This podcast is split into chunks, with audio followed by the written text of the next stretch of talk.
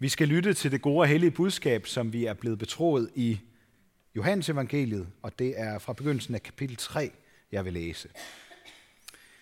Der var et menneske, en af farisæerne ved navn Nikodemus, medlem af jødernes råd.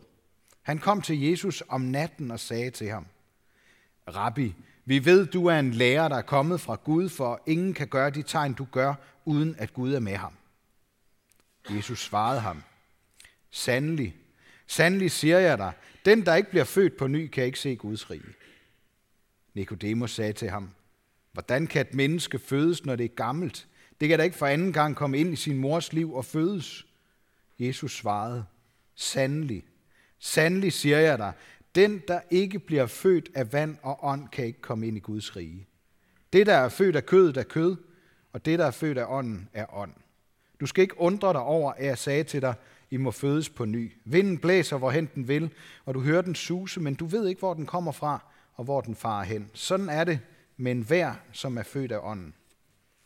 Nikodemus spurgte ham, hvordan kan det gå til? Og Jesus svarede, du er lærer i Israel og forstår ikke det. Sandelig, sandelig siger jeg dig. Vi taler om det, vi ved, og vi vidner om det, vi har set, men I tager ikke imod vort vidnesbyrd. Tror I ikke, når jeg har talt til jer om det jordiske, hvordan skal I så tro, når jeg taler til jer om det himmelske? Ingen er steget op til himlen, undtagen den, der steg ned fra himlen, menneskesønnen. Og ligesom Moses ophøjede slangen i ørken, sådan skal menneskesønnen ophøjes, for at enhver, som tror, skal have evigt liv i ham. Med livet i behold, det er temaet i dag. Og hvor har det tema, som vi har planlagt for et stykke tid siden efterhånden, ændret sig i løbet af den her uge? Og som jeg nævnte til begyndelsen af gudstjenesten, så kunne jeg simpelthen ikke overskue at skulle holde en prædiken over det tema efter, øh, lige efter Henriks ulykke. Men heldigvis, og trods alt, så slap han med livet i behold, og tak for det. Jeg har lyst til lige, at, at, at vi lige skal tænke lidt mere over det her med livet i behold. Øhm, vil man egentlig altid kunne sige noget om det? Er der situationer, hvor, hvor det ikke lige er passende? Skal man altid sige noget om det? Det vil jeg gerne prøve at sige noget om i dag. Det her med at beholde livet. Og jeg faldt over en gammel salme, som vi også øh, sang her til begyndelsen Øh, af gudstjenesten, som begynder med den her lidt underlige sætning. Jesus er mit liv i live. Altså det er sådan lidt dobbeltkonfekt, ikke? Det er sådan en underlig formulering, der, som i virkeligheden sætter hovedet på sømmet i forhold til i dag, øh, øh, det vi hører om, det der sådan er temaet, beretningen om koverslangen, og så sammen med den fromme og lærte Nikodemus, der kommer til Jesus om natten. Og, og tag ikke fejl. Nogle gange er der nogen, der prøver at bilde os det ind, men kristendom og det der med at tro på Jesus, det er altså ikke højt ravende filosofi. Det er konkret levet virkelighed. Det handler helt enkelt om at beholde livet for enhver pris. Søren Kierkegaard, der har givet os mange kloge tanker, han bruger sådan et enkelt billede, når han skal beskrive menneskehedens situation. Han kalder det for livets store ildebrand. Det gælder altså om at komme ud i live af livets store ildebrand. Sådan som det kun for israelitterne handlede om at se op på koverslangen, hvis de ville overleve giftslangernes dødelige bid. Sådan er det også for alle mennesker til alle tider, siger Jesus. Kun hvis vi ser på den ophøjede menneskesøn, beholder vi livet. For ligesom korslangen på stangen, så blev han ophøjet på et kors som et tegn for os på redning. Og derfor så er korslangen lægevidenskabens og helbredelsens tegn. Og korset, det er kristnes rednings- og frihedstegn. Det er som en sprække af lys i sygdommens og forgængelighedens mørke. Jesus er mit liv i live. Det lyder som en banalitet og som en, en selvfølge. For, for så længe man lever, så er man vel i live, tænker vi. Jesus har dræbt døden, sang vi. Det kan vi ikke. Vi kan ikke slå døden ihjel. Vi kan kun blive slået ihjel af døden. Og vi kan måske knap nok forstå det der med, at Jesus har dræbt døden. Vi kan, vi kan udskyde døden. Heldigvis kan vi da det på, på mange måder. Men vi kan ikke komme den til livs. Og derfor så kommer Jesus med et i virkeligheden ret overraskende håb om, at vi kan få lov til at beholde livet på trods af døden. Og det er den tanke, vi i dag støder imod sammen med Nikodemus der om natten, da han møder Jesus. Må Nikodemus kom til Jesus, fordi han ønskede at beholde livet. Jeg ved ikke, om jeg tænkte over, hvor, hvorfor han egentlig kom der om natten. Var det for at beholde livet? Var, var det simpelthen liv og død, det handlede om for ham, siden han kom og opsøgte Jesus? Der er jo ikke noget, der, der tyder på, at han kom om natten, fordi han var lige ved at dø, eller fordi det sådan var i sidste øjeblik, med, at han havde en uhelbredelig sygdom, sådan som andre mennesker mødte Jesus indimellem, fordi de havde hørt, at Jesus, han kunne helbrede. Jeg tror, han kom til Jesus om natten, ikke for at beholde livet, men for at beholde facaden. Den pæne facade, som et intellektuelt menneske, der godt kunne klare sig selv, som ikke havde lyst til at bede om hjælp, som måske godt kunne, kunne lide at tænke sådan lidt dybere over livet en gang imellem. Han undrede sig over de tegn og under, som Jesus gjorde. Og hvad får han så af svar? Han får tre gange at vide af Jesus. Tre gange så siger Jesus, sandelig, sandelig siger jeg dig. Og på os, der kan det måske øh, virke sådan lidt trivielt eller retorisk tungt, det der med, at Jesus gentager det samme tre gange. Sandelig, sandelig siger jeg dig. Øhm, men det er altså et udtryk, der understreger, at det, er den, at det er et udtryk, Jesus bruger for at understrege, at her, i det han siger nu, der er der altså kun én mulighed for redning. Der, der er ikke sådan flere muligheder, flere måder, man kan leve sit liv på og sådan nogle ting. Der er kun én mulighed. Sandelig, sandelig, siger jeg dig. Der er kun én mulighed. Det er som at komme ud af et hus, når det brænder. Hvis man skal overleve, så skal man altså ud, ellers så dør man. Eller at se på koverslangen, når man er blevet dødeligt forgiftet, sådan som israelitterne oplevede det dengang i ørkenen. Prøv lige at tænke over den situation, de var i der. Tænk over, hvor lidt der skulle til for dem, der lå døden nær i ørkenen. Måske lå de der med, med mange smerter. Måske var de delvist lammet. Og de havde nok for de flestes vedkommende opgivet håbet.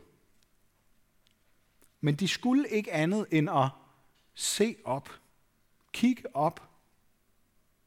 Åbne øjnene så blev de reddet og beholdt livet. Så lidt skulle der til. Og sådan er det også for os. Lige meget hvor forfærdeligt eller fastlåst eller håbløst vores liv ser ud, så kan vi stadigvæk beholde livet ved at se op. Mere skal der ikke til.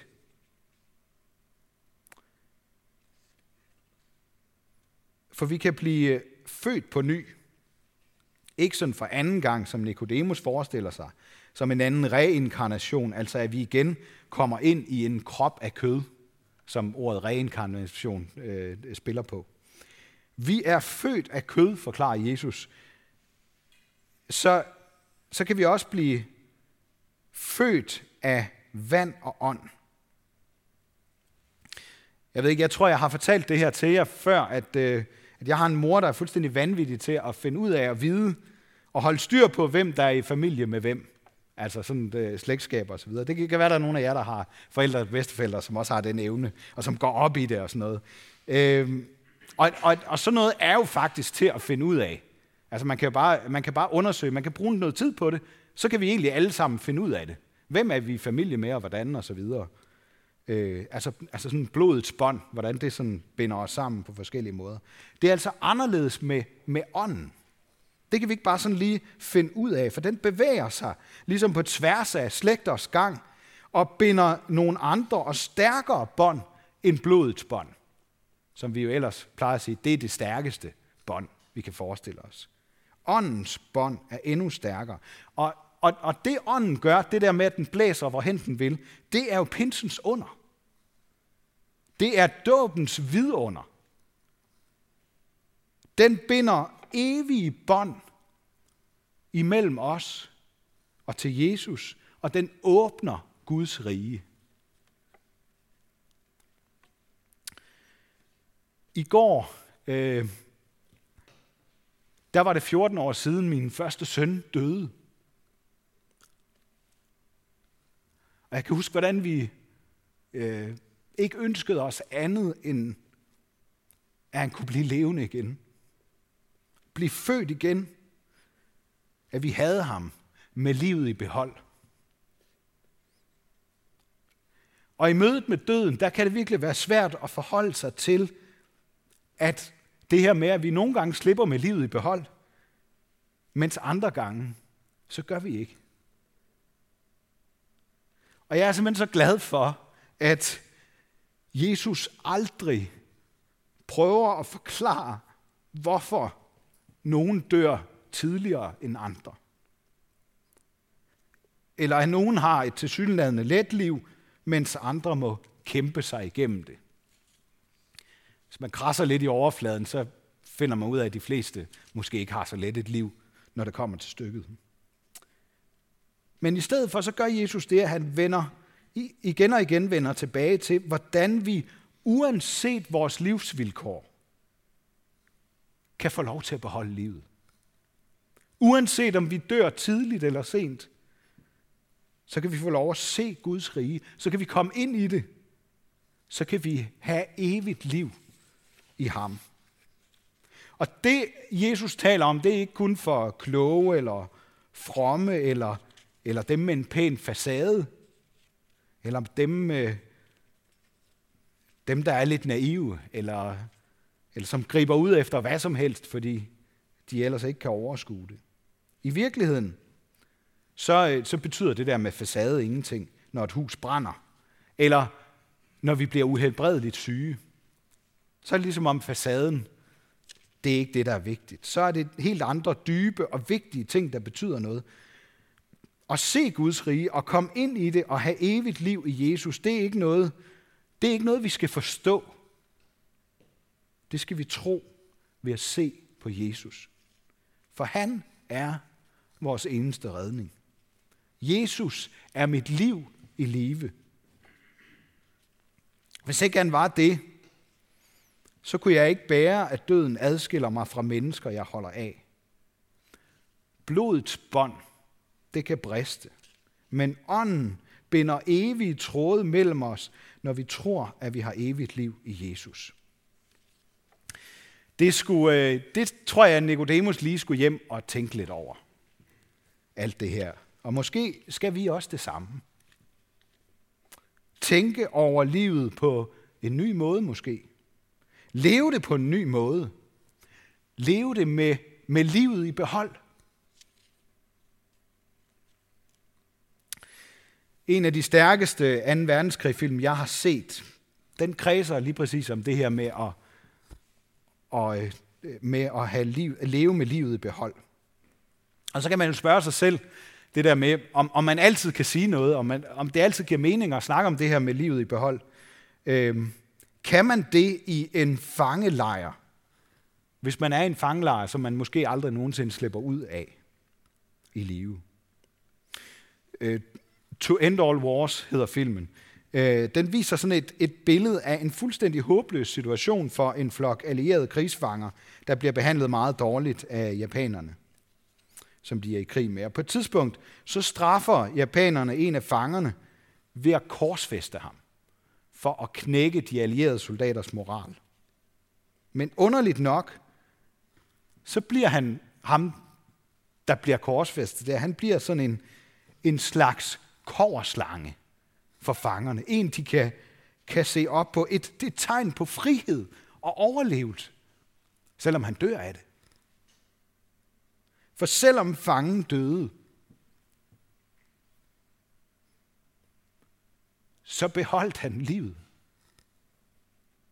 Og, han, og de beholdt håbet. Det evige liv, der ikke dør med hjertets sidste slag. Han blev et tegn på håb for de andre. Og en af de fanger, der slap ud af fangelejren med livet behold, han kunne så skrive den øjenvidende beretning, der, der så er blevet til en bog, og, og nu også her i, i sidste omgang til en film. Vi taler om det, vi ved, og vi vidner om det, vi har set, men I tager ikke imod vort vidnesbyrd. Sådan siger Jesus til Nikodemus og hans øh, farisæiske trosbrødre. Folk snakkede om, og, og de skriftkloge, de spekulerede over, hvem Jesus var. Var han en, en ny rabbi, en ny lærer, en ny Moses eller Elias? Hvem siger Jesus, at han er? Han er koverslangen. Han er symbolet på menneskehedens alvorlige problem og dens eneste redning fra døden. Nikodemus, han kommer til Jesus der om natten for at prøve at forstå. Det gør vi måske også nogle gange. Vi vil gerne forstå lidt mere. Men det, han bliver tilbudt, det er evigt liv. I det næste kapitel, kapitel 4 i Johannes evangeliet, der spørger Jesus en kvinde om, om vand, men hun får evigt liv. Og lige efter beretningen om Nikodemus, simpelthen verset efter, der understreger Jesus, at Gud elskede verden og gav sin eneste søn, for at vi ikke skal fortabes, men have evigt liv. Han ønsker mere end noget andet, at vi skal leve med livet i behold. Det er sådan, vi kan kende Gud. Det er sådan, vi kan genkende ham. Både Gud, vores far, og Jesus og Helligånden. Det, de gør, det de vil, deres væsen, det er, de vil lade os få lov til at leve med livet i behold. Det er det, de kæmper for og ønsker allermest. Med livet i behold, altså det at være bundet sammen med Jesus gennem vand, ånd og tro. Og jeg er overbevist om, at vi bliver mere levende af at leve vores liv med det evige livs perspektiv. Og derfor så er der gudskelov også noget at sige, selv når mennesker ikke slipper ud af sygdom og ulykker med livet i behold. Ikke med ord, der skal få os til at forstå, men med ord, som kan få os til at leve resten af vores liv med livet i behold.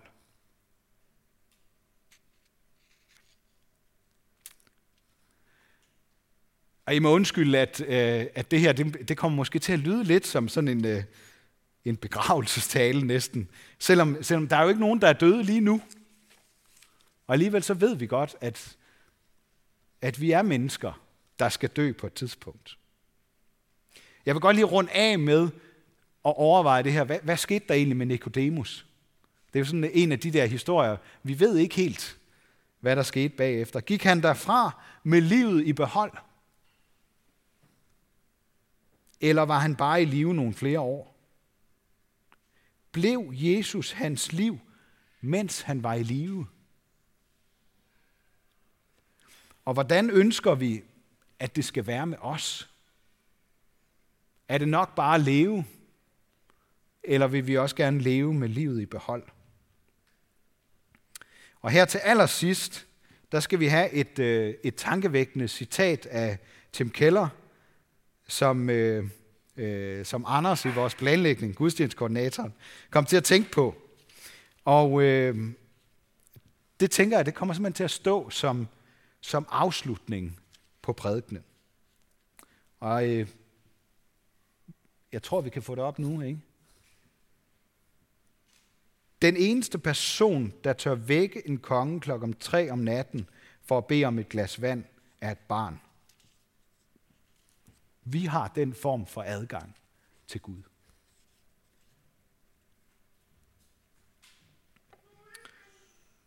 Ære være Gud, vores far, der har skabt os i sit billede. Ære være Guds søn, der tog vores straf, så vi kan leve i frihed. Ære være Helligånden, ham der gør Guds kærlighed levende for os.